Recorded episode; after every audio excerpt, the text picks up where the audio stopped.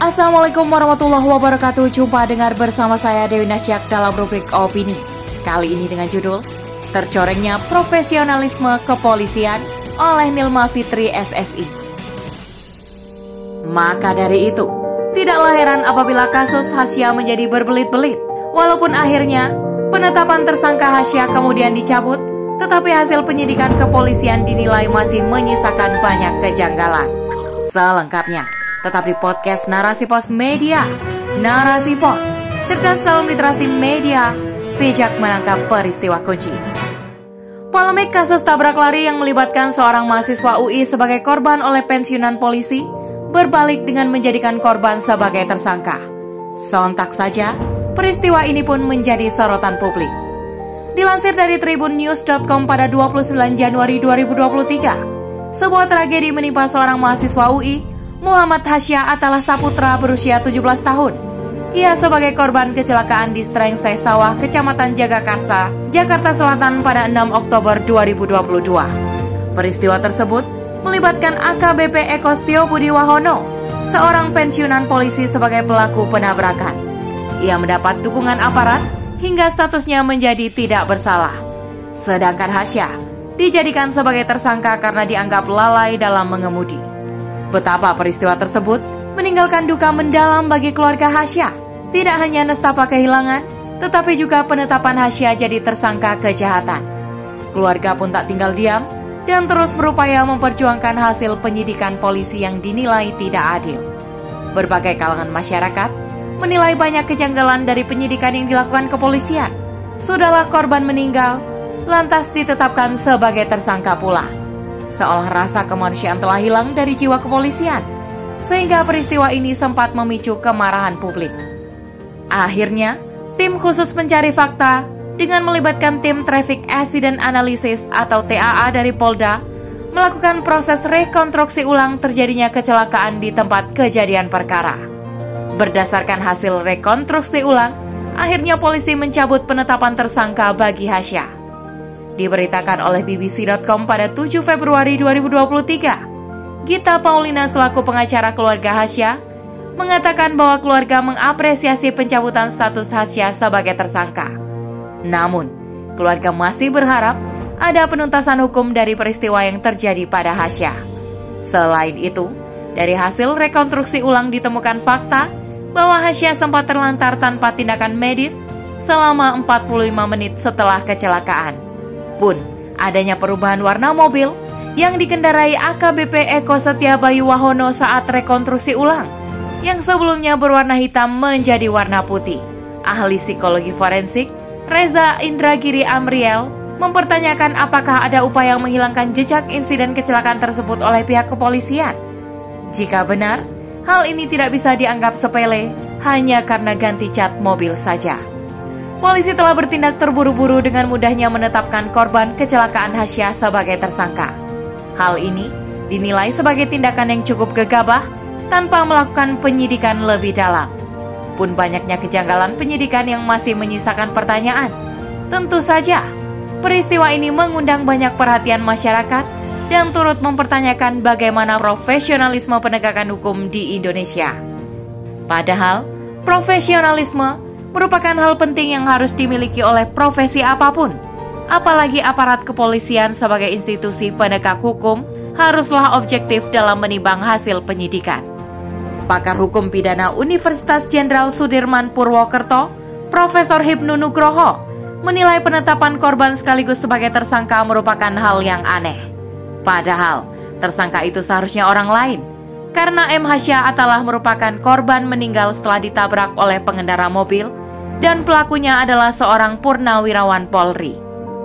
Pakar Hukum Pidana dari Fakultas Hukum Universitas Indonesia, Ganjar Laksamana Bona Prapta, mengatakan setelah dicabutnya penetapan Hasya sebagai tersangka, maka penyidikan kasus harus dilanjutkan dengan mencari siapa yang bertanggung jawab. Menurut Ganjar, polisi sudah melakukan kesalahan dari awal dengan penetapan korban meninggal sebagai tersangka. Karena secara hukum, orang meninggal tidak bisa dijadikan tersangka. Tentu saja, hal ini akan menimbulkan ketidakpercayaan masyarakat kepada pihak kepolisian. Masyarakat menjadi skeptis terhadap fakta-fakta yang diungkapkan kepolisian. Hal sepele saja kepolisian salah, apalagi hal yang lebih rumit atau lebih penting. Begitulah tambah Ganjar. Sementara itu, ahli hukum pidana Universitas Muhammadiyah Khairul Huda menanggapi agar kasus ini sebaiknya dihentikan. Karena kecelakaan terjadi bukan disengaja atau kelalaian dari pihak mana pun. Ini adalah murni kecelakaan dan bukan unsur pidana. Dari peristiwa yang berbuntut panjang ini, akhirnya pada hari Senin pada 6 Februari, pihak kepolisian melalui Ketua Bidang Humnas Polda Metro Jaya, Kombes Turno Yudo Wisnu Andiko, menyampaikan permintaan maaf melalui media atas penetapan korban Hasya sebagai tersangka. Menurutnya, hal ini terjadi disebabkan adanya kesalahan prosedur dan bukti baru yang tidak bisa diungkap oleh kepolisian. Namun, masyarakat masih bertanya-tanya, karena sampai saat ini, status AKBP Eko Setio Budi sebagai pelaku penabrakan masih belum jelas statusnya. Taufik Basari, anggota Komisi 3 DPR RI fraksi Nasdem, turut menyesalkan penanganan kasus kecelakaan pihak kepolisian yang mengakibatkan mahasiswa Universitas Indonesia M. Hasya meninggal. Dia menilai penanganan yang dilakukan tidak profesional dan tidak sesuai dengan KUHP. Taufik juga menambahkan, dalam kasus ini, kepolisian tidak melayani masyarakat secara humanis dan tidak berlandaskan nilai kemanusiaan. Dari kejadian ini, terlihat jelas bagaimana rupa asli dari sistem kapitalisme yang saat ini mengatur negeri. Asas kapitalisme telah menguasai hampir di setiap sektor kehidupan. Sistem ini telah membiarkan setiap individu mengejar kepentingan-kepentingan mereka sendiri demi memperoleh kemakmuran pribadi.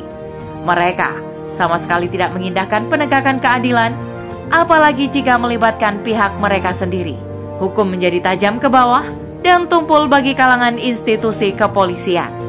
Kemudahan memperjualbelikan hukum pun kerap terjadi, sehingga hukum lebih berpihak kepada mereka yang memiliki materi dan kedudukan daripada kepada mereka kalangan bawah.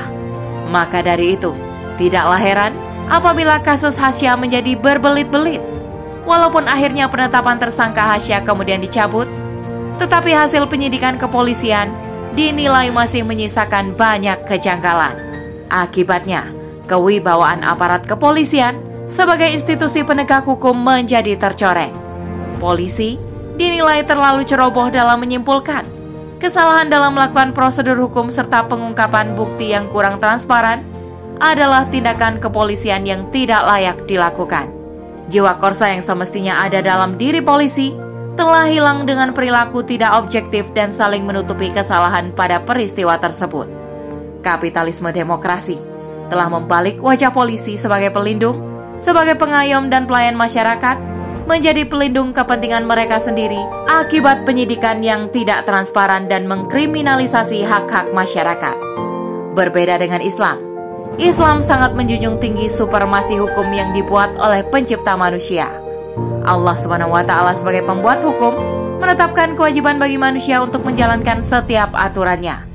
Keadilan dan kesejahteraan masyarakat secara umum tanpa membeda-bedakan status sosial, agama, kedudukan, dan kekayaan merupakan capaian yang akan diraih manusia bila hukum Allah diterapkan di tengah masyarakat. Hukum syariat Islam sangat lengkap mengatur kehidupan di dunia dan sebagai jalan keluar setiap permasalahan yang dihadapi manusia. Sesuai dengan ketentuan hukum syara, yaitu untuk mencegah kemungkaran dan kemaksiatan, serta menegakkan kemakrufan. Dengan tugas yang mulia ini, maka kepolisian jauh dari kepentingan perorangan, kepentingan kelompok, kepentingan partai, bahkan kepentingan orang-orang tertentu. Kepolisian akan bekerja untuk sistem negara, bukan perorangan atau kroni-kroninya. Pemantapan keimanan dan teguhnya akidah senantiasa dijaga oleh negara. Sehingga, polisi akan memiliki karakter unik dan akhlak yang baik.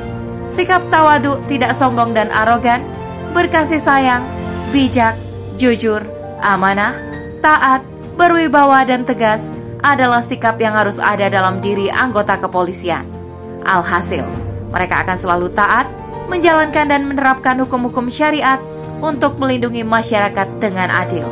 Selain itu, jaminan negara terhadap penerapan hukum bagi pelaku kejahatan akan senantiasa dalam pengawasan. Jabatan Kepala Kepolisian berada di bawah Departemen Keamanan Dalam Negeri Kepala polisi ini harus mempunyai anggota yang paham dan senantiasa terikat dengan hukum syara. Sehingga tindakan penyidikan setiap anggota dalam suatu perkara selalu objektif dan adil. Karakter polisi inilah yang menjadikan mereka dicintai oleh masyarakat. Salah satu sahabat pernah menjabat sebagai kepala polisi pada zaman Rasulullah, sebagaimana hadis riwayat Bukhari. Qais bin Sa'ad saat itu berada di depan Nabi Shallallahu Alaihi Wasallam, layaknya seorang kepala polisi dengan amir alias kepala negara. Ada hal yang paling mencengangkan dalam sejarah dunia Islam, yaitu begitu cepat meluasnya negara Islam dalam beberapa abad lalu. Semua itu karena kestabilan negara hingga mendapat julukan adik kuasa dunia pada masa kekhilafan Umar bin Khattab. Terjaminnya keamanan dalam negeri sebagai hasil kinerja dan profesionalisme kepolisian menjadi salah satu rahasia kemajuan Islam kala itu. Begitu besar perhatian Islam dalam menjaga profesionalisme kepolisian sebagai aparat penegak hukum. Sehingga kewibawaan kepolisian selalu terjaga di mata masyarakat. Maka dari itu, mengembalikan pengaturan hidup kepada hukum buatan Allah Subhanahu wa taala merupakan jaminan keamanan, merupakan jaminan keamanan dan keadilan satu-satunya bagi masyarakat. Hal itu hanya bisa didapatkan dengan penerapan Islam secara kafah di tengah-tengah masyarakat. Wallahu a'lam bishawab.